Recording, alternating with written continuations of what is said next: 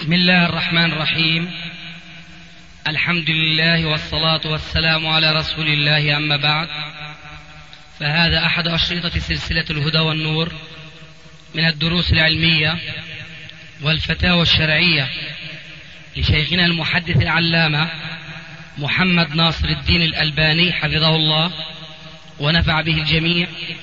قام بتسجيلها والتأليف بينها محمد بن أحمد أبو ليلى الأثري. إخوة الإيمان والآن مع الشريط الثالث والأربعين بعد المئة السابعة. على واحد تم تسجيل هذا المجلس في العشرين من ذي القعدة 1413 هجري. الموافق الثاني عشر من الشهر الخامس 1993 ميلادي. هنا سؤال يقول الذبح عندما يعمر الإنسان بيت الذبح عندما يعمر الإنسان بيتا والوليمة فهل هذا فيه شك أم لا؟ إذا كان السائل يعني بقوله هل فيه شك أي من حيث حل أكله فهذا لابد من وقفة. أما إذا كان يعني هل في شك من حيث شرعيته فالجواب نعم. أي ليس من الشرع أن يلتزم المسلم إذا بنى دارا أو اشترى دارا أن يذبح ذبيحة. وإنما الشرع يأمر المسلم أمرا عاما بأن يقوم بواجب الشكر لله عز وجل على نعمة طارئة. وإلا الإنسان يعيش دائما في نعم الله تبارك وتعالى. لكن إذا ربنا عز وجل أنعم على إنسان بنعمة ليست معتادة فأراد أن يشكر الله تبارك وتعالى عليها فبأي شيء جاز أن يقوم بواجب الشكر لله عز وجل. في الشرع يوجد شيء لابد أنكم سمعتم به يسمى بسجود الشكر سجود الشكر. أي إذا إنسان فوجئ بأمر ما بنعمة ما رأسا يهوي ساجدا شاكرا لله عز وجل على هذه النعمة التي تفضل بها عليه. لكن لو أراد أن يشكر الله عز وجل بما هو أقوم أو كما يقولون اليوم أقيم من سجد لله يستطيعها كل إنسان فأراد أن يجود بشيء من ماله ويجاهد بذلك نفسه التي قال عنها ربنا في القرآن الكريم وأحضرت الأنفس الشح فأراد أن يزكيها بأن يخرج عن شيء من ماله فلا مانع من ذلك ولكن لا يلتزمن شكلا معينا كما هو الآن موضوع البحث وهو بنى دارا أو اشترى دارا لابد من ذبح ذبيحة. لا مو شرط. إن ذبحت ماشي إن تصدقت ماشي إن سجدت ماشي إن صليت لله ركعتين ماشي وهكذا. إنما لا تتخذ طريقا خاصا كدلالة لشكرك لله على نعمة الله هذه. هذا الجواب عن احتمال الأول. أما الاحتمال الثاني هل هل في شيء في أكل الأكل من هذه الذبيحة؟ الجواب إن كان الذابح لم يقرن مع الذبيحة أمرا شركيا ينافي الإخلاص في هذه الذبيحة لله كما سبق بيانه قبل الصلاة. إن صلاتي ونسكي ومحياي ومماتي لله. فإن كان ذبح هذه الذبيحة لله فلا شك أن الأكل منها حلال. لكن نحن نقول لا يشرع التزام ذبحة بمثل هذه المناسبة. فإذا هناك حكمان. أنها إذا ذبحت لله كشكر فهي طبعا حلال لأنها لم تذبح لغير الله. لكنها ذبحت بطريقة فيها إحداث في الدين إن كان التزمها. أما إن كان من باب شكر لله على التفصيل الذي سبق بيانه فلا شيء في ذلك. نعم. سؤال آخر هل هناك أناس يشتمون الذات الإلهية ورسول الله صلى الله عليه وسلم والدين فهل يخرجون يخرج هؤلاء من ملة الإسلام؟ وما التصرف الذي ينبغي أن يكون؟ أما هل يخرج من ملة الإسلام من يسب الذات الإلهية؟ هذا بلا شك ما يحتاج إلى سؤال فضلا عن جواب لأنه هو الكفر الذي ذر قرنه. ولكن الذي يمكن أن يقال في مثل هذه المناسبة أن من صدرت منه كلمة الكفر له حال من حالتين. إما أن يعني ما يقول وإما أنه لا يدري ما يقول. ففي الآلة الأولى الجواب السابق إنه كافر مرتد عن دينه. ولو كان هناك حاكم مسلم يحكم بما أنزل الله فهذا يصدق عليه قوله عليه السلام من بدل دينه فاقتلوه. لو أن مسلما يشهد أن لا إله إلا الله وأن محمد رسول الله لكن مثل القادياني أنكر أن يكون محمد صلى الله عليه وسلم خاتم الأنبياء هذا يقتل. لأنه أنكر شيئا معلوما من الدين بالضرورة ما بالك من سب الذات الإلهية؟ ما بالك من سب رسول الله صلى الله عليه وسلم إلى آخره؟ فلا شك أن هذا يعتبر مرتدا وأنه يقتل ردة. هذا في الحالة الأولى إذا كان يعني ما يقول. أما إن كان لا يعني ما يقول فهنا لابد من شيء من التفصيل. إما أن يكون أعجميا يقول كلمة عربية لا يفقه معناها وهي الكفر أو أن يكون آه، عربيا مستعجما. نسي اللغة العربية وما عاد يفقه فتكلم بكلمة الكفر وهو لا يفهم أنها كلمة كفر. وهذا المثال في بعض الكلمات السابقة سمعتم قول الرسول عليه السلام من حلف بغير الله فقد كفر فما أكثر ما نسمع من المسلمين الحلف بغير الله كيف؟ لأنهم يجهلون أن أن الحلف بغير الله كفر فهل هذا يحكم بكفره؟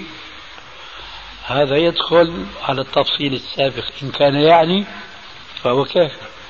وإن كان لا يعني فهنا يأتي البيان.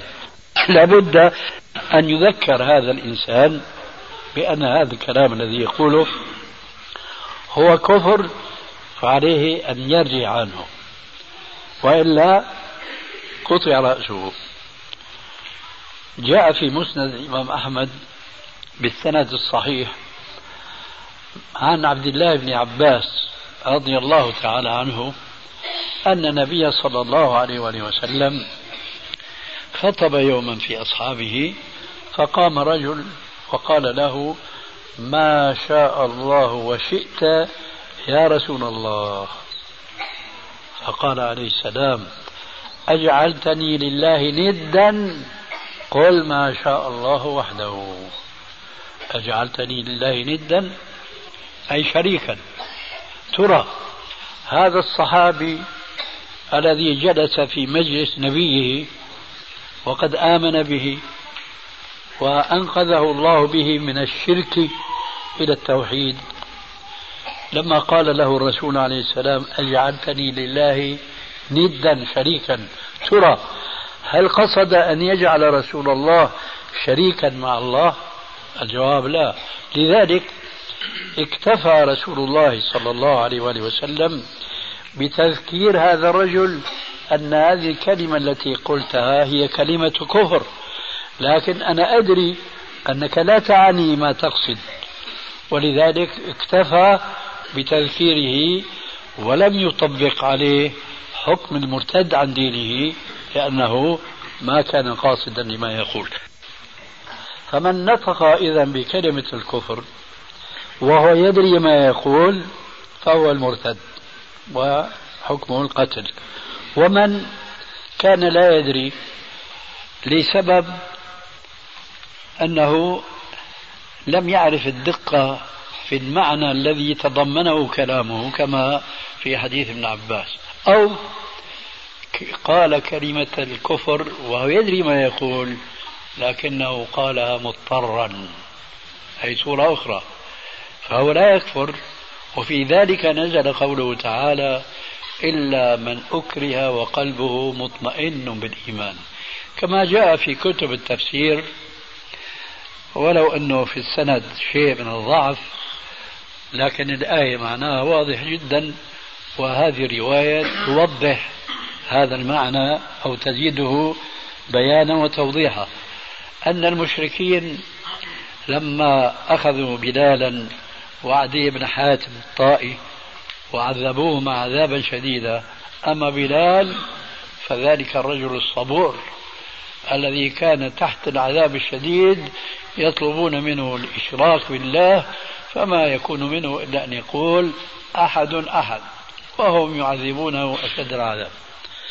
أما عمار بن ياسر رضي الله عنه لم يصبر فعرضوا عليه لما جسوا نبضه وأن وأن صبره نفد عرضوا عليه أنه يسب الرسول ويشتمه كما هم يشتمونه حتى يطلق الجميع فوافقهم. فقال عن الرسول بأنه ساحر شاعر كذاب فأطلقوا سبيله. لكن سرعان ما انتبه لخطئه فجاء إلى الرسول عليه السلام وذكر له ما فعل وهذا من قوة إيمانه.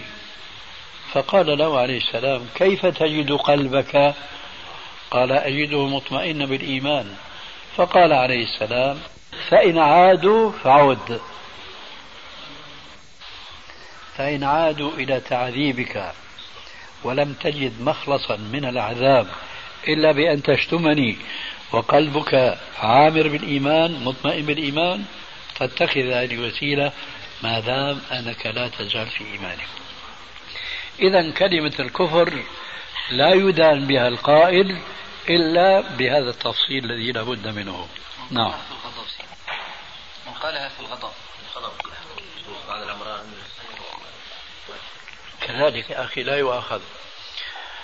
ربنا عز وجل ذكر في القرآن الكريم قصة موسى مع قومه حينما ذهب لمناجاة ربه ولما رجع وفي يده الألواح من التوراة وأخبر الخبر من أخيه موسى بأن قومه عبدوا العجل من بعده أخذ الألواح وضربها أرضا. لو فعل هذا مسلم بالقرآن الكريم عامدا متعمدا يكفر. فكريم الله كلام الله اللي هو التوراة. ما يفعل هذا عامدا.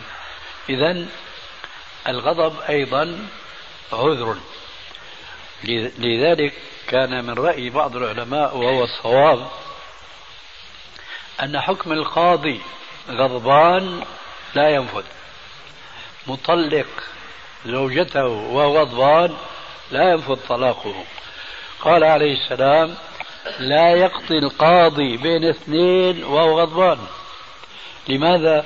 لأن الغضب يحول بين صاحبه وبين التفكير السليم. كذلك قال عليه السلام لا طلاق في إغلاق. الإغلاق فسر بمعنيين. المعنى الأول الإكراه. فإذا واحد أكره رجلا لغاية في نفسه أن يطلق زوجته وهذا يقع كثيرا. فراح مطلقها لا يقع هذا الطلاق لأنه مكره. فسر بالمعنى الثاني وهو الإغلاق أي الغضب. فإذا غضب الإنسان من زوجته في ظرف ما في حالة ما وراح مطلقها هذا الطلاق لغو لا قيمة له. وقصة موسى عليه السلام مع الألواح أكبر دليل على أن صاحب الغضب لا يؤاخذ ولكن هذا الغضوب ينصح بأن يملك أعصابه. ونحن ننصح هؤلاء الذين يسارعون إلى تطليق زوجاتهم بحال غضبية. ننصحهم يا جماعة اتقوا الله وتذكروا قول الرسول عليه السلام ليس الشديد بالسرعة إنما الشديد من يملك نفسه عند الغضب.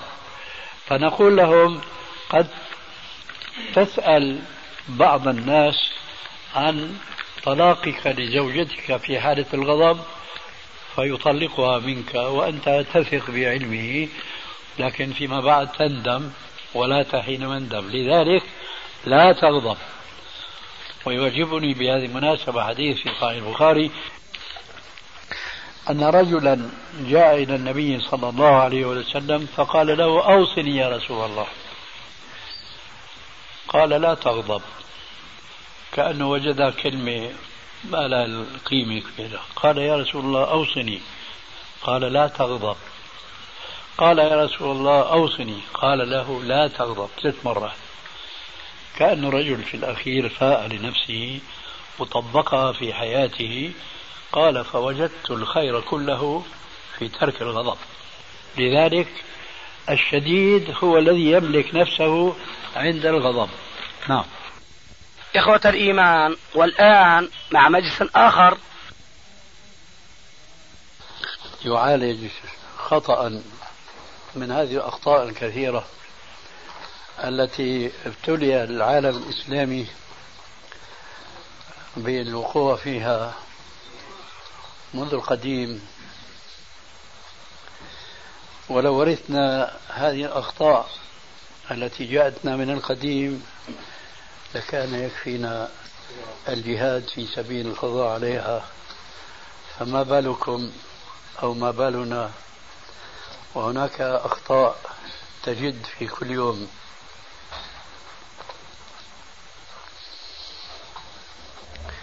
لأننا نفرق بين خطأ وقع فيه بعض أهل العلم وبين خطأ يقع فيه من لا علم عنده وإنما هي التقاليد والأهواء التي لا علاج لها إلا بتقوى الله. أما النوع الأول فعلاجه العلم.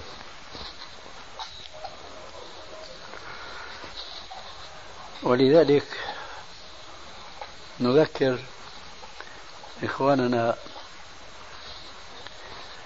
بحقيقتين اثنتين. إحداهما قاعدة والأخرى فرع أما القاعدة فهي إجلال أهل العلم وتعظيمهم وتوقيرهم ولكن في حدود الشرع.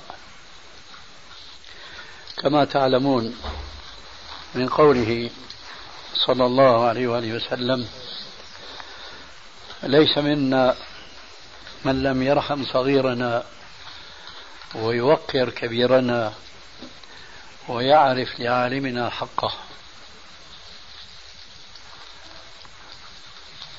كذلك قوله عليه السلام من إجلال الله عز وجل إجلال قارئ القرآن وذي الشيبة المسلم. هذه القاعدة ولكن ليست على إطلاقها وشمولها بحيث أن لكل مسلم يريد أن يقوم بتوقير العالم وأن يعرف له قدره وأن يوقر ويجل ذي الشيب المسلم فالذي يريد أن يقوم بهذا ليس ذلك حسب هواه وإنما يكون ذلك حسب ما جاء به نبيه. صلى الله عليه وآله وسلم سواء طابق هواه أو خالفه. هكذا كان سلفنا الصالح ينطلقون في توجيهات الرسول صلى الله عليه وآله وسلم تاركين عواطفهم جانبا آخذين أوامر النبي صلى الله عليه وسلم بأيمانهم. تعلمون أن من أقوال الرسول صلى الله عليه وآله وسلم لو كنت آمرا أحدا أن يسجد لأحد لأمرت الزوجة أن تسجد لزوجها لعظم حقه عليها. لكن القليل من يعلم سبب ورود الحديث وله أسباب. منها أن معاذا رضي الله تعالى عنه كان سافر من المدينة إلى دمشق فلما رجع ووقع بصره على النبي صلى الله عليه وآله وسلم أراد أن يسجد له فنهاه. وأنكر ذلك عليه. فقال يا رسول الله إني أتيت الشام فوجدت النصارى يسجدون لقسيسيهم ورهبانهم فوجدتك أنت حق بالتعظيم منهم. هذا المنطق السليم فعلا لولا الدين. فالعقل السليم لا ينهض ولا يكفي وهذا مثال من عشرات الأمثلة ليستقل في معرفة ما يحل وما لا يحل ليستقل في معرفة الحسن والقبيح ومن هنا ضلت المعتزلة حينما قالوا بالتحسين والتقبيح العقليين. وحينما جعل حزب من أحزاب المسلمين اليوم العقل كالدليل الشرعي كالكتاب والسنة. هذا هو الاعتزال الحديث اليوم.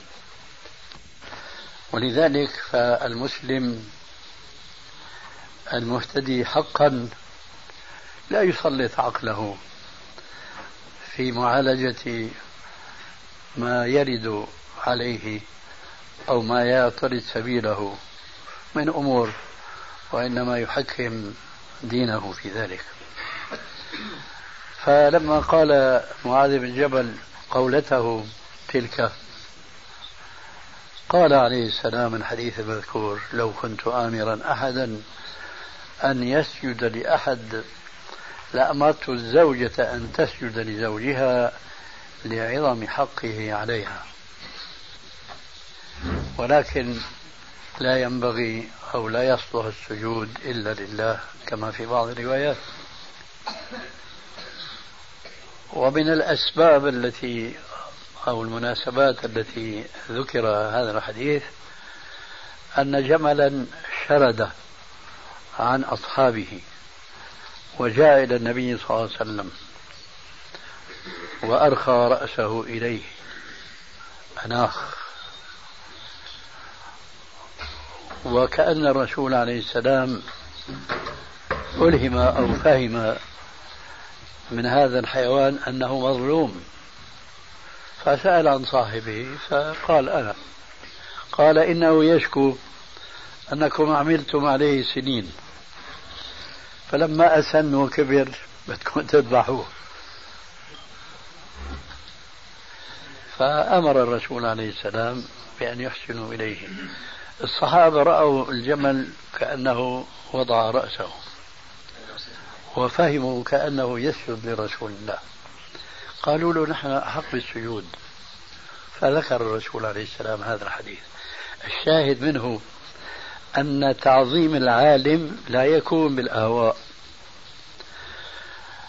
طبعا اليوم في المجتمعات الإسلامية العامة والحمد لله لا يوجد سجود لأهل العلم والمشايخ وإن كان هذا لا يزال موجودا في بعض الطرق. آه، مثل الميلوية بصورة خاصة المعروفين في الشام وفي تركيا. هذا نحن رأينا بعضهم في المسجد الكبير مسجد بني أمية. يقف الشيخ المولوي وعلى رأسه طربوش الطويل هذا. يقف في مكان من المسجد ويتحلق الدراويش حوله فيخرج أحدهم من الحلقة. طبعا أمر مدبر عندهم فيأتي أمام الشيخ وينحني له. وتشوف منظر قبيح جدا لأن الإنسان في طول قامته يقبح منه انحناؤه بين يدي شيخه. فما بالك وقد أطال قامته أكثر من اللازم بهذا الطربوش الطويل. فيجدون هذا كدليل احترام للشيخ. وهذا من جهلهم بمثل هذه الأحاديث. فلئن كان هذا السجود أو تعظيم بعض المشايخ بمثل هذه الظاهرة نادرة الحمد لله اليوم لكن الشائع تعظيم العلماء بالقيام لهم. تعظيم العلماء بالبدء بهم. حتى صار فقها متبعا في كتب الفقه أن الساقي حين يدخل يبدأ بكبير القوم ثم بمن عن يمينه. وهنا بقى الملاحظة العلمية. يحتجون بحديث البخاري المروي عن صحابيين أحدهما أنس بن مالك والآخر سهل بن سعد. أن النبي صلى الله عليه وسلم أتي بلبن قد شيب بماء في قعب فشرب منه وكان عن يمينه أعرابي. وفي رواية ابن عباس صغير السن وعن يساره مشايخ قريش أو مشيخة قريش ومنهم أبو بكر الصديق. فالرسول لما شرب استأذن من كان عن يمينه أن يسقي من عن شماله. قال والله يا رسول الله لا أوثر أحدا بفضلة شرابك.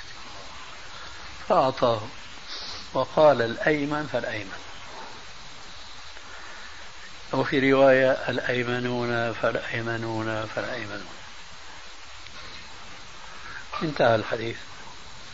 يأخذون من هذا الحديث أن الساقي بدأ بالرسول. إذا هكذا السنة.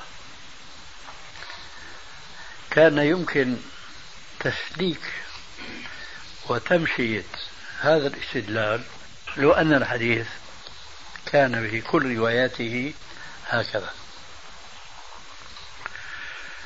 لكن في كل من الروايتين عن أنس وعن سهل زيادة هامة جدا. وهي كما يقولون اليوم في لغة العصر الحاضر تضع النقاط على الحروف وتجلي القصة تماما. الزيادة هي استسقى رسول الله صلى الله عليه وسلم فأتي. فأتي. الفرق بين الرواية المزيد عليها وبين الزيادة فرق جوهري جدا. بناء على الرواية الأولى إذا وقف الواقف عندها وسئل. بالنسبة للرواية الأخرى زيادة في الرواية الجواب يختلف تماما. لماذا بدأ الساقي برسول الله؟ لأنه استسقى. بالنسبة للرواية الأخرى زيادة في الرواية؟ الجواب يختلف تماما. لماذا بدأ الساقي برسول الله؟ لأنه استسقى. هكذا يقول استسقى رسول الله صلى الله عليه وسلم فأتي إذا ما يصح الاستدلال بالحديث أن السنة بالنسبة للساقي أن يبدأ بكبير القوم إن كان كبير القوم أو صغير القوم طلب فيبدأ به. أما إن كان هو الساقي يريد أن يسقي جميع القوم فيبدأ بمن عن يمينه. هذا نص لا يقبل الجدل إطلاقا. والذي قال بخلافه يعذر بأنه لم يقف على زيادة والزيادة بلا شك صحيحة في البخاري. ثم التفقه في القصة هذه تؤكد هذه الزيادة تماما. انظروا الآن بلاش زيادة. أتي رسول الله صلى الله عليه وسلم إلى آخر القصة. لما شرب وبقي في القاع بقية شور أراد أن يسقي إلى آخر القصة. فالرسول سقى من كان عن يمينه واعتذر خاصة في بعض الروايات أن عمر عم يراقب الوضع.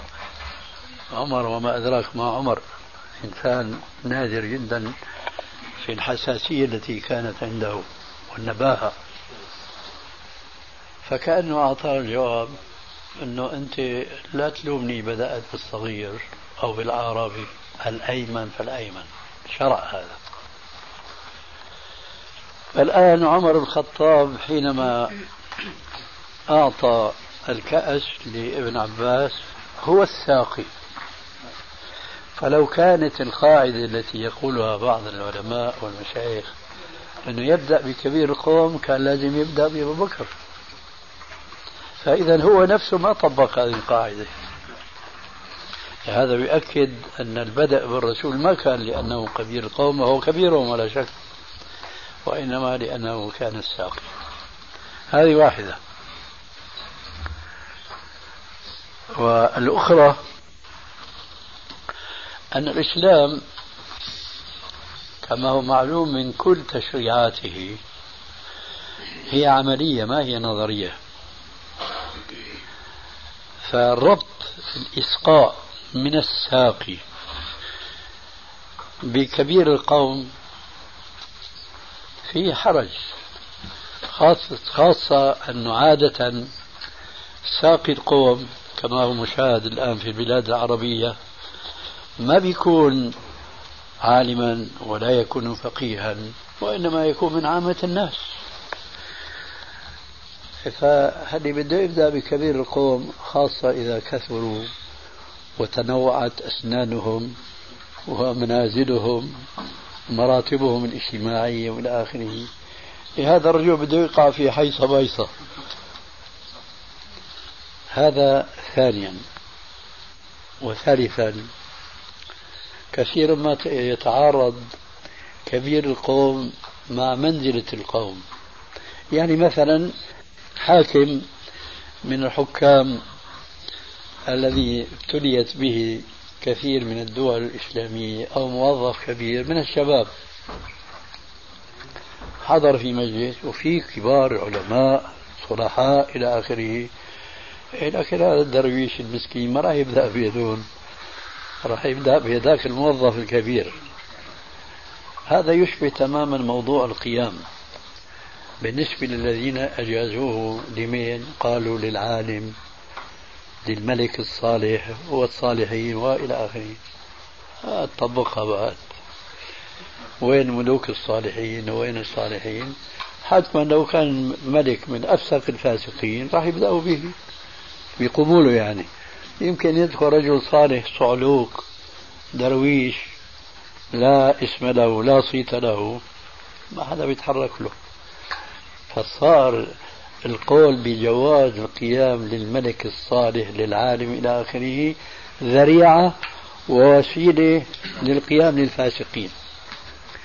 وهكذا هي مسألة إيه؟ البدء بكبير القوم.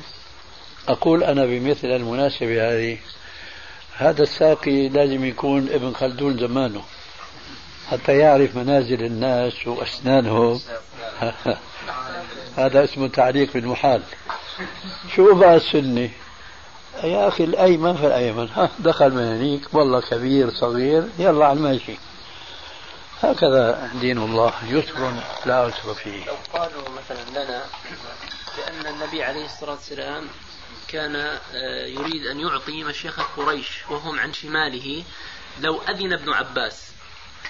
فيقولون مثلا إذا نحن نبدأ بالكبار ولو كانوا على الشمال لأنه أصلا آه، ما حد من المجلس سيتقدمهم أو تطيب له نفسه أنه ما يبدأ ما يبدأ بهم. فلو استدلوا بهذا.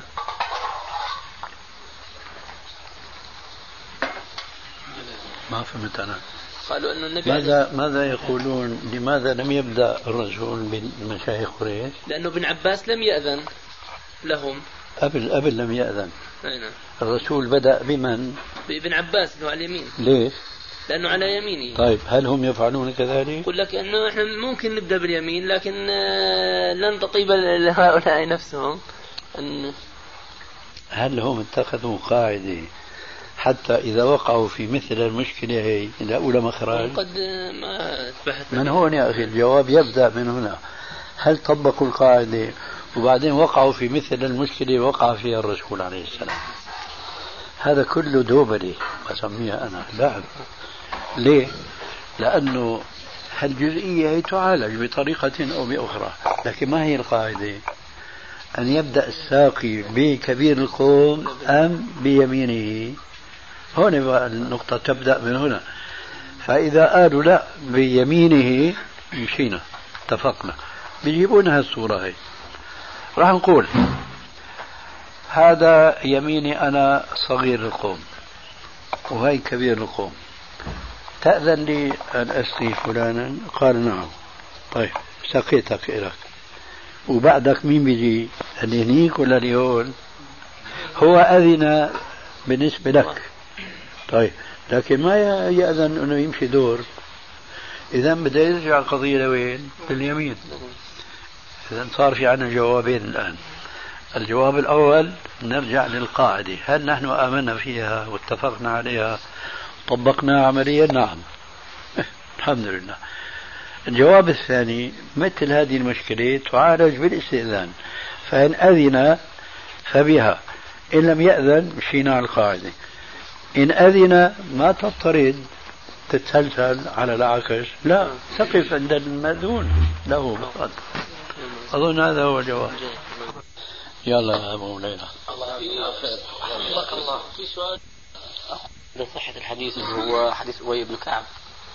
آه، جاء رجل للنبي صلى الله عليه وسلم وقال إن أخي به لمم فأجلسه بين يديه ووضع يده على رأسه وقرأ بهذه الآيات اللي هي الفاتحة أول البقرة وإلهكم إله واحد.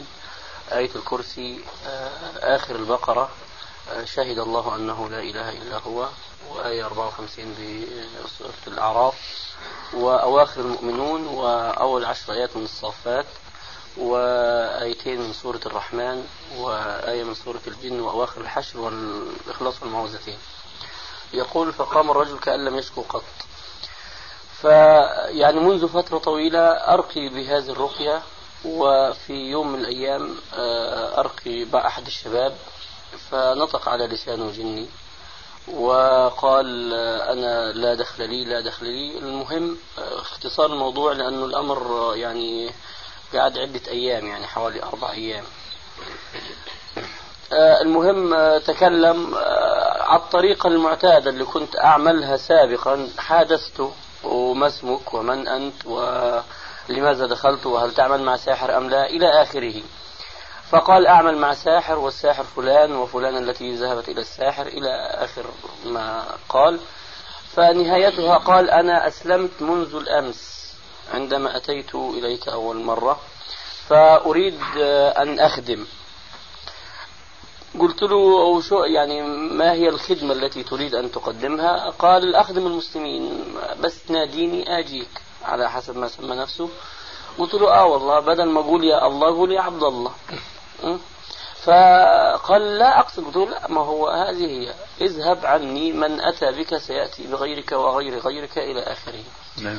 أي نعم. المهم قال إذا لا تناديني إن كان في ذلك شرك أنا يعني أمسك بالسواك وأستاك به خمس مرات أكون حاضر عندك. قلت له آه والله الرسول صلى الله عليه وسلم آه يعني آه وضح أن السواك سنة غير محدودة العدد وكذا. آجي أنا يعني أشرك بهذا الفعل أنا لا أقبل ذلك. إذا أردت أن تخدم اذهب عني فاخدم بالطريقة التي تراها. آه، خلاصة الحديث قال أريد أن أجلس عندك أتعلم أحكام التجويد. ما شاء الله. نعم. آه، قلت أنا يعني آه، لا أقبل هذا كله ولكن انصرف واخرج. أنا لا أمرك إلا بالخروج. أمرك بتقوى الله ثم أن تخرج من هذا الرجل لأن وجودك في جسد الظلم إلى آخره. فقال أنا لا أقدر على الخروج إلا بعد استخراج السحر. وكان هذا الوقت متأخر من الليل وكانت يعني ليلة مسلجة. فانتظرنا حتى الصباح. يعني بالخبرة المدة الطويلة أعرف أنه السحر طبعا هو لو صدق في إسلامه لخرج ولكنه لم يصدق في إسلامه وهذا ما عرفت. الشاهد في الموضوع انتظر حتى الصباح حتى ذهبنا إلى مكان السحر الذي دل عليه فقاموا الشباب بحفر المكان ولم يجدوا شيئا. آه، نهاية الحديث آه، قلت لابد أن تخرج. آه، يعني قال لا أقدر على الخروج. قلت له أخرج وإلا قتلتك أو حرقتك وأقسمت عليه بالله عز وجل أن يخرج منه وإلا حرقته. قال لا أقدر على الخروج. وحاول عملية محاولة للخروج حوالي من عشر مرات تقريبا. أقرأ عليه سورة ياسين حتى يجمع نفسه. الشاهد في النهاية ما وجدت حل وهذه طريقة لا أدري مدى صحتها. علمنا إياها أحد المشايخ سابقا قلت إذا جمع نفسك في رجله وين تسكن؟ قال بش أسكن باليمين. قلت له جمع نفسك في الشمال. جمع نفسه طبعا له جرم تحت إيدي. له إيش؟ يعني له منتفخ المكان مع نعم. تحت يدي. له حجم يعني حجمه نعم. مبين يعني. ضربته بالسكين صرخ. قلت له جمع نفسك وقل أشهد أن لا إله إلا الله. هذا اللي صار معي يعني. آه، قال أشهد أن لا إله إلا الله جمع نفسك جمع نفسك مرة ثانية وضربته بالسكين مرة أخرى. المهم انتهى ماذا تعني ضربته بالسكين يعني جرحته؟ نعم. جرحته. جرحت الشاب. نعم نفس الشاب ضربته في نفس المكان اللي هو متجمع فيه. آه طبعا هذا ب آه يعني بناء عن رغبته هو يعني. أنا يعني انتقلت للحديث للسرعة اللي هو بناء عن رغبته قال ما في أمامك أي حل إلا أنك أنت يعني آه، اقتلني بالصورة التي تراها يعني. فهذا ما فعلت.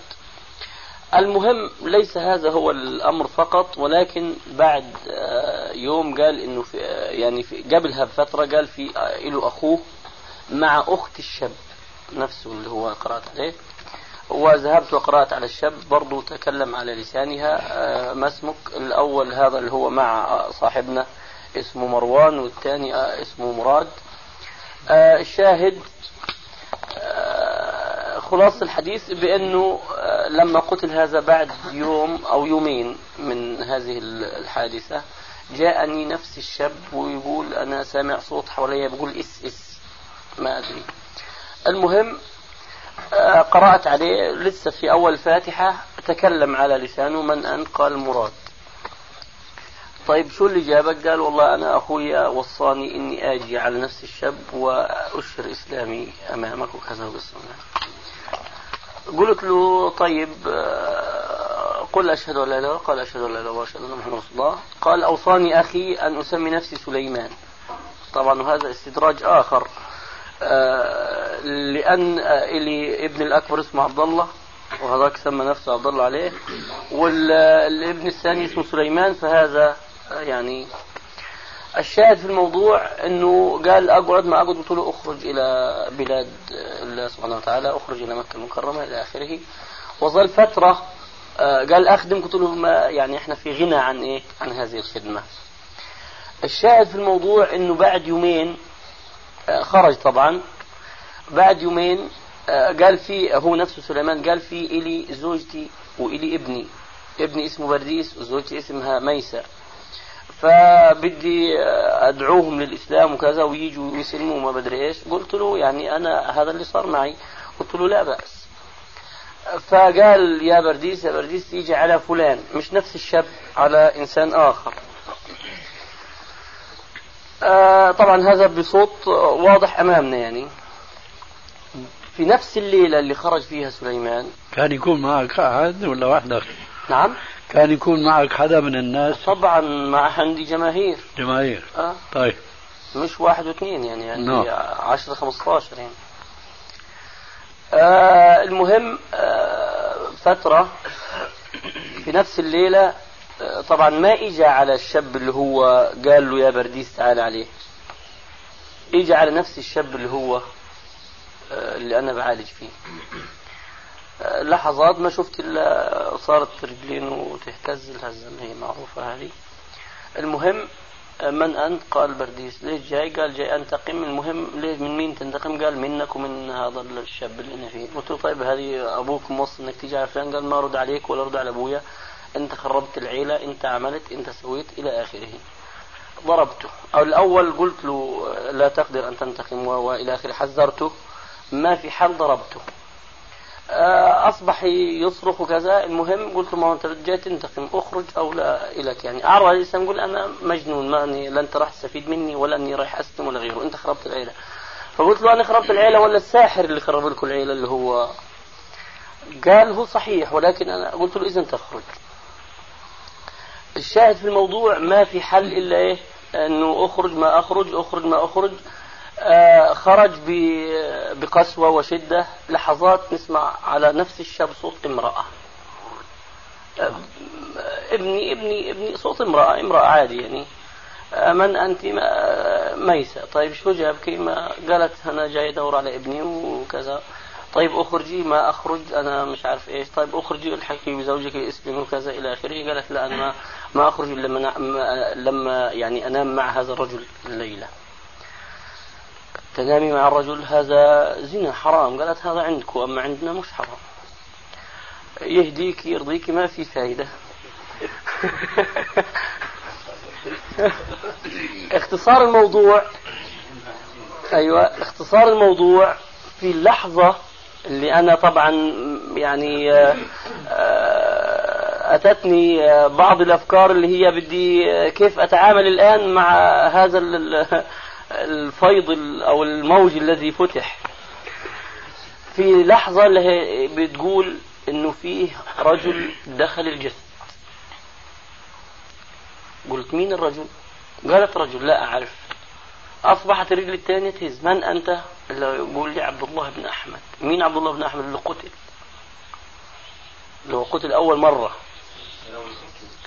أي نعم اللي ضربته السكين أيوه. طيب كيف جيت؟ بقول لي على أساس يقطع الخط. بقول لي آه روحي عندك وجسدي في مكة.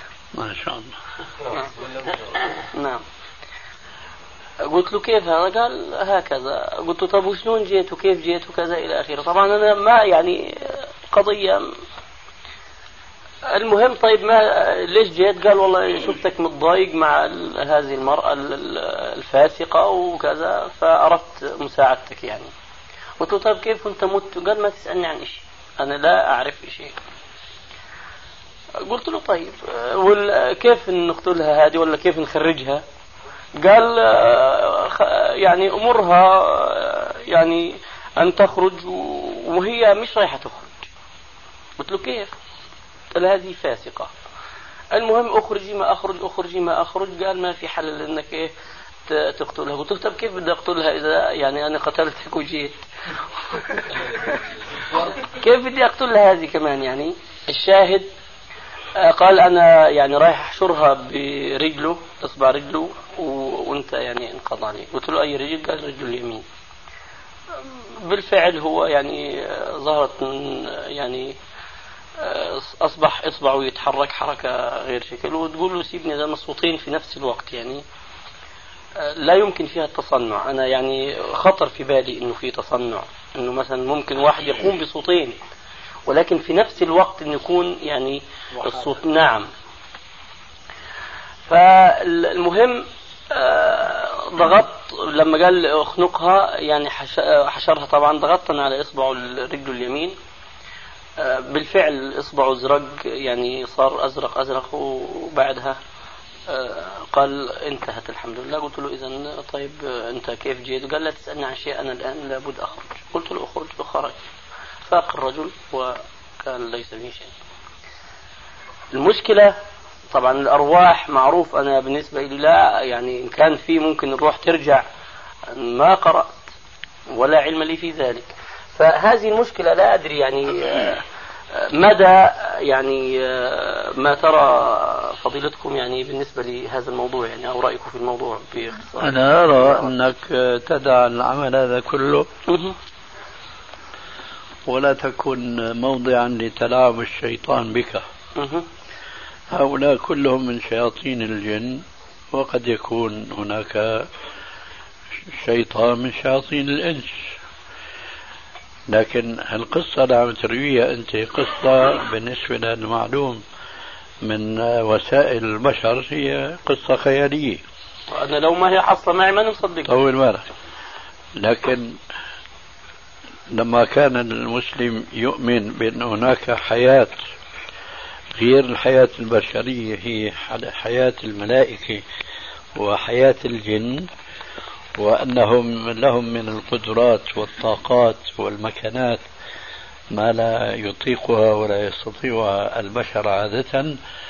ومن ذلك كما قال تعالى إنه يراكم هو وقبيله من حيث لا ترونهم.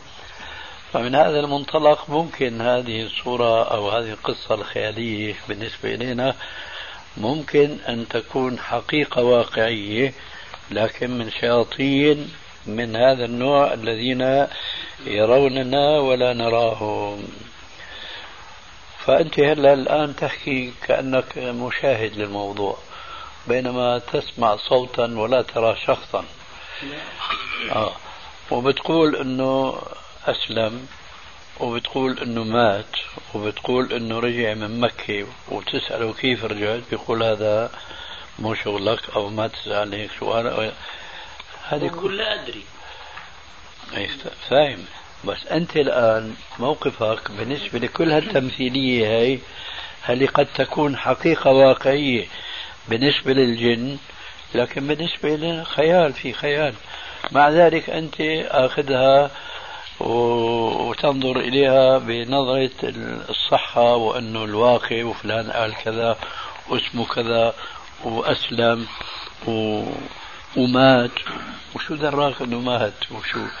يعني قضية في الوقت اللي أنت يعني بتظن أنه بيكون فيها غش بيكون فيها سحر أنت الآن يلعب بعقلك وتوهم بأمور تتبناها. فتقول أسلم.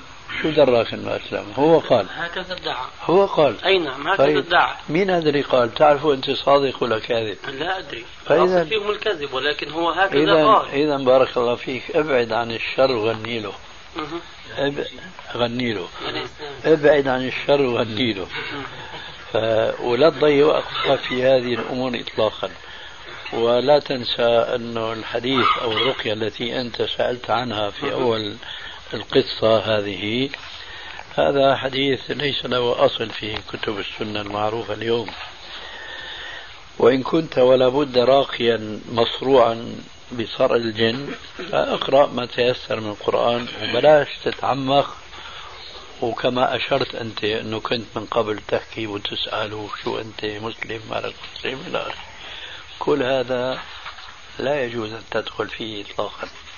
فإما أن تنصرف إلى عملك إلى وظيفتك إلى دراستك إلى إماميتك إلى تأذينك. وإما أن تقتصر فقط على آه، قراءة قرآن على من يكون فعلا مصروعا. أما أن تدخل في مثل هذه التفاصيل فأنا أخشى عليك أن تضل ضلالا بعيدا. لأنه هلا الجاهلية من أسباب ضلالهم أنه كان الشيطان يدخل في الصنم ويتكلم ويأمرهم وينهاهم ويقول هيك الرب قال وهيك الإله قال وإلى آخره. وعم يسمعوا صوت فعلا هن آه. فالآن صرنا نحن نسمع أصوات ونصدق فيها وأنه هذا يهودي وأسلم نصراني وأسلم أو مسلم ارتد أو ما شابه ذلك أو هذا عاشق أو هي معشوقة. وبناخذها وبنسلمها يعني تسليما وهذا لا يجوز في الأمور الغيبية التي ورانا. وراء عقولنا أن نأخذها ونسوق مساق المسلمات من الأمور كأنها أمور غيبية. جاءنا كتاب جاءنا حديث صحيح عن رسول الله فوجب تسليم لا.